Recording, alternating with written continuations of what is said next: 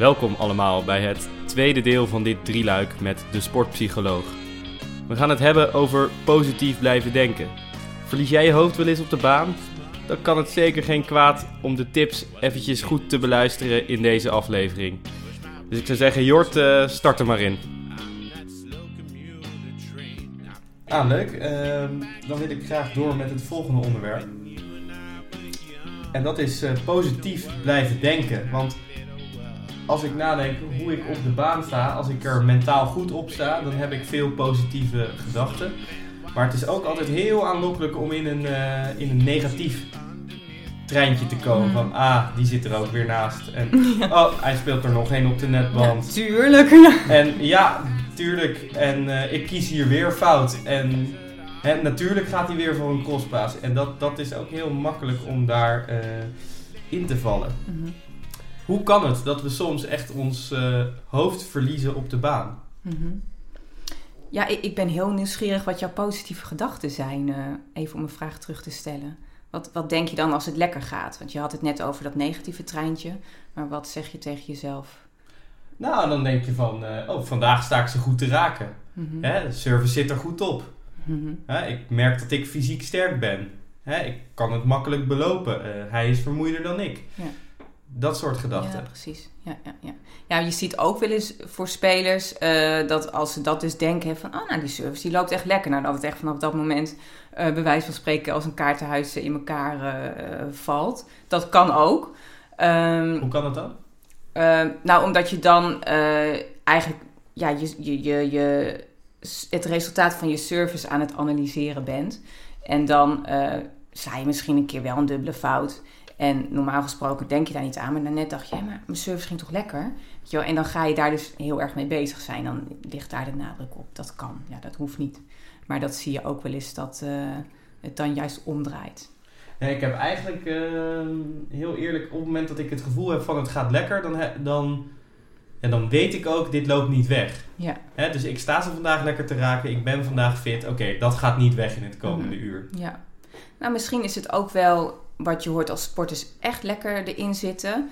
Het ultieme is, dat noemen ze flow, hè? dat je echt puur aan het handelen bent, aan het tennissen en helemaal niet aan het denken bent. Het besef van tijd valt weg, dat je denkt, Hé, wow, dus ben ik nu al drie uur, sta ik al drie uur op de baan, bij wijze van. Uh, maar dan ben, is het echt een soort actiereactie, dus jij bent alleen maar op het reageren aan die bal en eigenlijk is het een soort rustig in je bovenkamer. Dus het zou ook kunnen dat spelers die, die, die lekker op de baan staan en die er goed in zitten, dat die eigenlijk uh, geen aandacht bij hun gedachten hebben. En dat ze eigenlijk meer aan het waarnemen zijn en aan het doen. Dat is flow.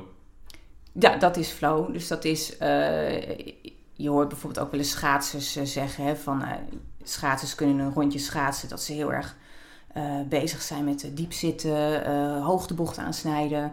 Dat ze zich wel op die manier coachen. Maar je hoort ze ook wel eens na 500 meter. Oh god, en toen kwam ik over de finish en toen keek ik naar het scorebord en toen zat mijn rit erop. Dus dat je dus eigenlijk in een soort tunnel zit van, van doen. En dan, dan valt het besef eigenlijk weg van, van tijd bijvoorbeeld. Of dat er nog een tegenstander is. Of dat er mensen naast de baan staan te kijken. Is flow het hoogst haalbare voor een sporter? Uh, nou, als ik. Ik kan mezelf nou, misschien een trainingsmoment herinneren dat ik in een flow zat. Dat was inderdaad ook wel uh, heel fijn. En ja, ja, dan heb je gewoon echt het gevoel alsof je alle ballen in de sweet spot raakt. En uh, je, ja, je staat gewoon precies op het goede uh, punt achter de bal. Als ik gewoon naar interviews van sporters luister. Uh, is flow wel heel bijzonder, maar is het, nou ja, als het één of twee keer in je carrière voort, voorkomt, is dat, uh, is dat mooi. Het is niet iets wat heel regelmatig uh, gebeurt. Dus dat, uh... Heb jij wel eens flow ervaren, Jort? Ja, ik denk het wel.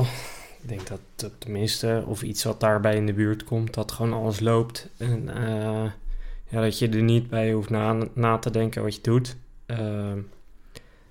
Ja, om, even terug te gaan naar de negatieve gedachten uh, op de baan. Ik heb daar zelf ook wel eens last van. Uh, wel gelukkig een stuk minder dan, uh, dan, dan vroeger. Ik denk dat het voor een groot gedeelte eh, ook al met verwachting eh, te maken heeft van jezelf, met, van, ja, van jezelf. En dat wat heel vaak gebeurt, is dat mensen verwachten dat ze op hun ja, betere niveau spelen. En als dat niet gebeurt eh, en ze verliezen, eh, of als ik het even op mezelf trek en ik verlies van iemand waarvan ik denk op mijn normale niveau of op mijn goede niveau had ik van diegene gewonnen, maar nu loopt het niet omdat dit, dit, dit, dit, dit, dit, Mhm. eh, dan ja, knapt er iets. Of dan, Ja. ja. ja, dan eh, vliegen er wel eens eh, rackets eh, over de baan of, of wel eens wat, wat scheldwoorden hier en daar. Ja.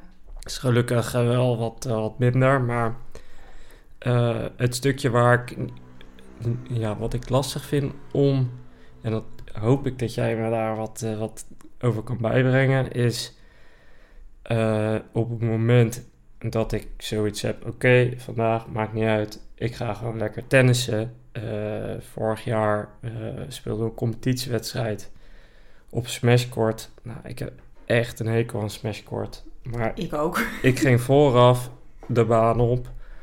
Oké, maakt niet uit.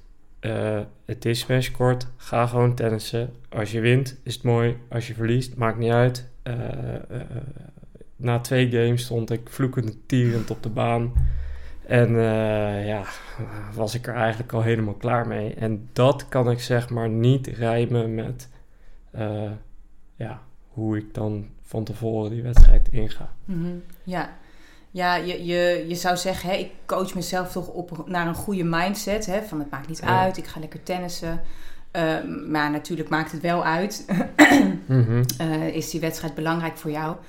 Ehm, en eigenlijk, ja, positieve gedachten eh, kunnen natuurlijk helpen.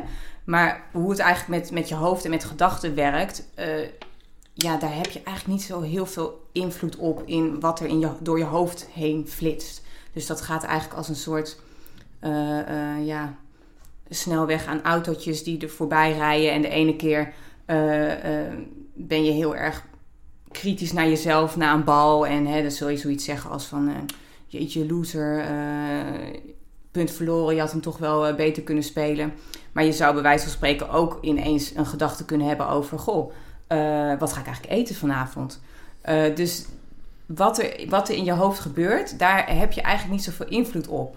Ehm, dus het is eigenlijk beter of handiger dat je in plaats van je aandacht in je hoofd te hebben, dat je je aandacht uit je hoofd brengt. En eh, het beste wat je dan kan doen is gaan waarnemen. Dus ik zeg dan altijd ehm, eh, uit je hoofd gaan en van, van denken naar doen.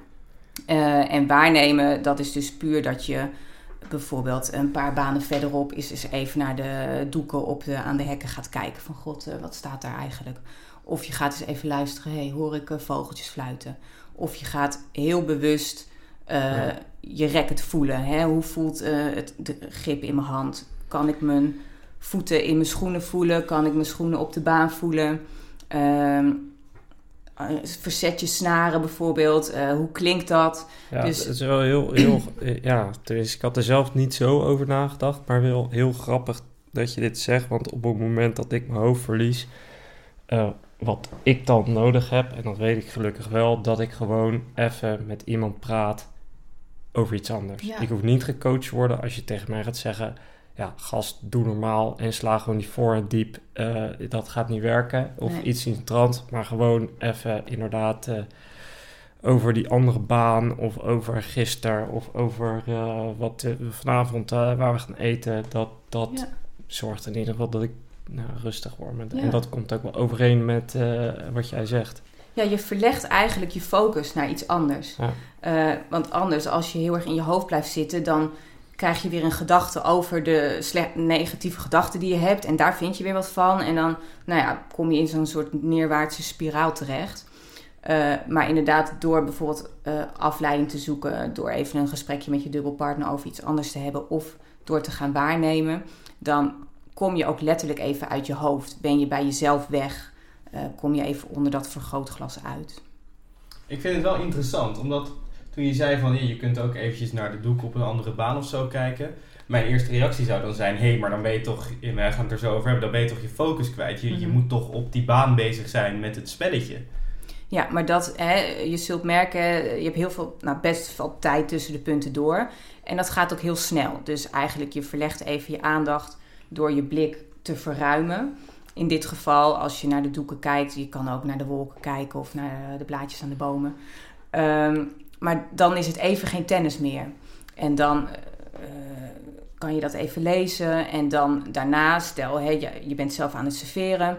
Wat je ook veel spelers ziet doen, is dat ze zich letterlijk even omdraaien. Dan heb ik niet de tegenstander in mijn gezichtsveld. Ehm, ik kijk even naar mijn snaren. Ja, ik moet toch altijd aan Sharapova denken. Eh, voel die snaren, eh, luister naar het geluid. En dan eh, verplaats je wederom je aandacht naar het volgende punt. En dat is natuurlijk een mantra wat heel veel tennissers hebben. En ook wel tegen elkaar zeggen van oké, volgende punt, maakt niet uit. Omdat het gaat ook om het volgende punt. Als jij in het vorige punt blijft hangen, ja, daar, die kan je niet meer overspelen. En als jij blijft denken aan de volgende game, van oh, als ik deze game win, dan eh, staat het 5-0 en eh, heb ik bijna gewonnen en sta ik in de finale. Ja, poeh, dan ben je echt al zo ver in de toekomst. Dus dat is eigenlijk het soort eh, tijdmachine waar je dan wel eens in zit. In het verleden eh, of ja, alweer in de toekomst. Maar het gaat er echt om om in het nu te zijn, in het, eh, op dat moment, eh, je volgende punt. Is, is dat ook de reden waarom Nadal al die rare capriolen uithaalt voordat hij gaat serveren? Ja, Denk je of niet? Eh, ja, Nadal heeft natuurlijk een eh, heel uitgebreide routine. Ik praat liever over een routine dan een ritueel. Ehm, maar belangrijk is om te beseffen dat elke handeling in zijn routine heeft een functie. Dus eh, het is niet dat hij ehm, ja, er een soort act van maakt of dat het een grap is. Maar dat als hij zijn onderbroek tussen zijn billen vandaan plukt bijvoorbeeld... ehm, dat hij daar een functionele eh, gedachte of zijn aandacht bijvoorbeeld ook ergens bij heeft. Wat wij natuurlijk als buitenstaanders niet kunnen zien. Wij zien alleen dat eh shirt van zijn schouders plukken, eh, haar achter zijn oren, zweet afvegen. Maar ik denk, en ik weet bijna wel zeker, dat als hij dat doet, dat hij dan ook zijn aandacht weer richt op de dingen die op dat moment belangrijk zijn. Dus bijvoorbeeld het vorige punt afsluiten, zijn ademhaling tot rust brengen, zich mentaal voorbereiden op het volgende punt door het bijvoorbeeld in te beelden. En dat zien wij allemaal niet. Maar dat is wel de functie van een routine. Is het voor, eh, denk je, tennissers niet een stuk lastiger om eh, ja, eigenlijk dus om te gaan met dat positieve denken eh, en met die flow? omdat je eigenlijk steeds punten speelt. Dus het is Mhm. eigenlijk steeds een punt en dan stopt het punt en dan ben je er weer uit. En dan heb je Ja. weer tijd om na te denken en dan ga je weer. En dat, dat, is dat ook de reden waarom Nadal dit soort routines heeft? Ja, wat jij bedoelt is dat het een soort golfbeweging is. Hè? Je bent eh, heel intens een punt aan het spelen en het punt is afgelopen en je komt weer tot rust en hebt ook weer die tijd om na te denken. Ehm, ja, routines geven ook eh, zekerheid en vertrouwen. Jij hebt de controle op dat moment. Jij weet, oké, eh, ik stuit er zo vaak met de bal. Eh, nu doe ik mijn haar achter mijn oren. Nu veeg ik het zweet van mijn voorhoofd. Dat is gewoon een soort fijne voorspelbaarheid. Dat je weet, oké, nu komt er dit. En eh, als ik dat gedaan heb, dan ben ik er klaar voor. Dus dat het is ook een houvast. Ja, ja, ja dat begrijp ik. Eh, Jort, ik wil nog inhaken op iets anders wat jij zei. Je zei van ja, ik denk dat het bij mij ook te maken heeft of ik van iemand win of niet en eh, hoe ik me daarbij voel dat het met verwachting te maken heeft. Ik weet dat ik ongeveer zo goed ben, ik vind mezelf beter dan deze speler. Hey, hoe kan ik er nou van verliezen? Dat is vervelend. Ik merk zelf, ik, ik, draai, ik heb het misschien een beetje omgekeerd. Dat ik niet zo vaak van een speler verlies die wat minder is omdat ik best wel goed kan inschatten, nou ongeveer zo goed ben ik en ongeveer zo'n niveau haal ik. Maar aan de andere kant heb ik die uitschieter aan de andere kant ook nooit. Hmm. Dus op het moment dat je verwachtingen heel scherp zet, dan heb je misschien niet Ah, echt die ah, teleurstelling Als, je, als van jij een close wedstrijd speelt en je hebt op een gegeven moment zelf het idee dat eh, jij een cruciale game verliest, bijvoorbeeld om de wedstrijd te winnen eh, op 5-4 derde set, je verliest die game door netbal van hem, twee domme keuzes van jou eh, en dubbele fout voor jou. Eh, en het was ook nog een lange juice game. En, en, en kijk, met dat soort dingen. eh, dan kun je wel tegen jezelf, of dan kun je bij jezelf te raden gaan. Oké, maar als ik niet die dropshot had geslagen of die netbal was niet gegaan, dan had ik gewoon gewonnen. Ja, En dat, dan. dat, is het, dat is het meer, zeg maar. Ja, ja, dan kom je in het als dan denken. Maar dat is, niet, dat is niet het punt wat ik nu wilde maken hoor. Dus wat, wat ik wilde zeggen is, kan het ook tegen je werken op het moment dat je eh, je verwachtingen zo goed hebt? Want dat, ja, Mm, dan een uitschieter naar boven toe, Ja. die gaat er ook niet echt Mm. komen.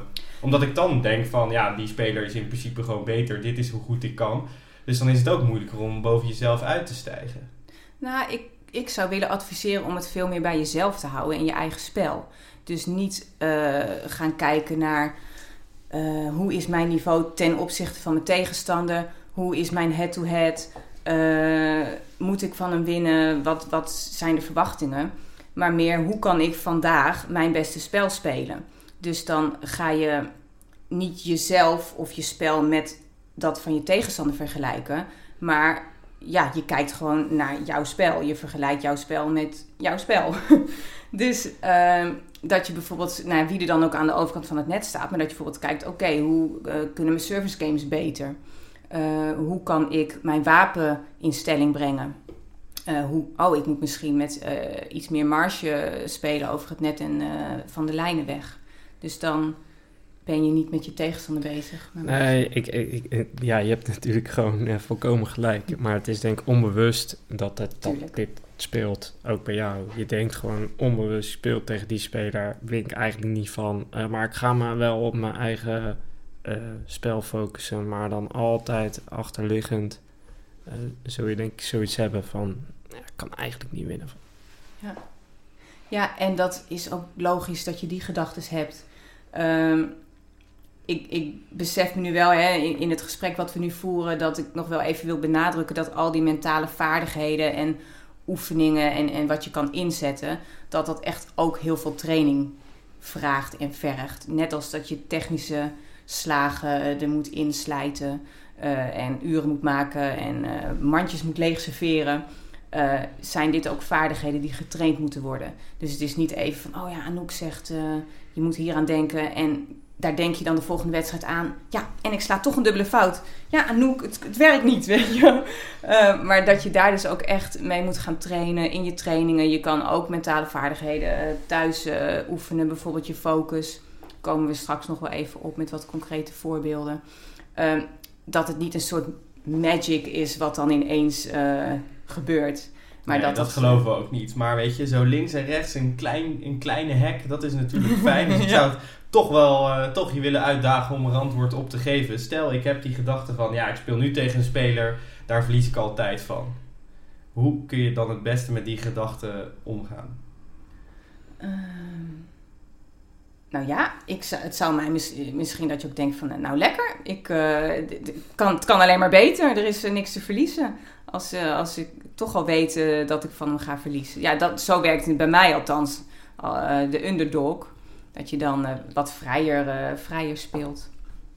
Dus dat... eh, Ja, dat is ook een eh, manier. Misschien het laatste stukje eh, binnen het kader eh, positief denken op de baan. Geloof je dat het goed is om altijd positief te blijven? Of heb je af en toe zo'n negatieve prikkel nodig?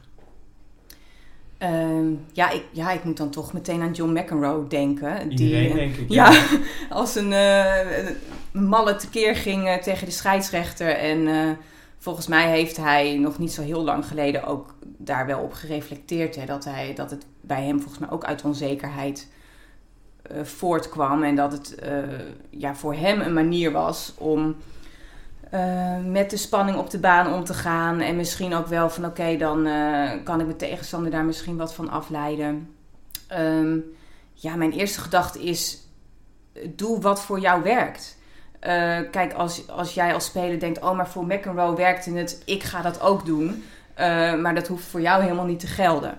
Dus doe wat, dat, wat voor jou werkt. En ehm, dat is ook wel onderdeel van mijn werk, om daar met sporters achter te komen. Van, hey, wie ben jij? Eh, wat werkt voor jou? Ehm, en nog even aanhakend op positief denken. Dat kan ook weer een soort van doorslaan. Dat je eh, de baan opgaat van eh, ik ben de beste en ik ga dit toernooi wel eventjes pakken en mijn voorhand is echt koning. Ehm, ja, ik bedoel, dat, ga je ook voelen dat dat niet gemeend is of dat je dat niet waar kan maken. En dan kan je een soort vals zelfvertrouwen krijgen. Ehm, wat dus ook eh, voor negativiteit kan zorgen als je dan toch merkt van hé, die voorhand loopt eigenlijk helemaal niet zo lekker vandaag. Dus blijf vooral positief realistisch. Uh, met dat je wel jezelf alle kansen geeft. Van oké, elk punt is een nieuw punt. Uh, it's ain't over till it's over. Dat zegt ze. Het is pas afgelopen als die laatste bal geslagen is. Uh, dat dat meer de positieve focus gaat zijn.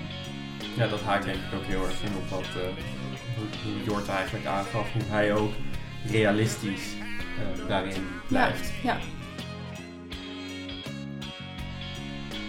Yes, dat was aflevering 2 in dit drieluik. Dan vroeg ik me af, heb je hier een reactie op? Vind je er iets van op dat mentale gebied? Laat het dan even weten.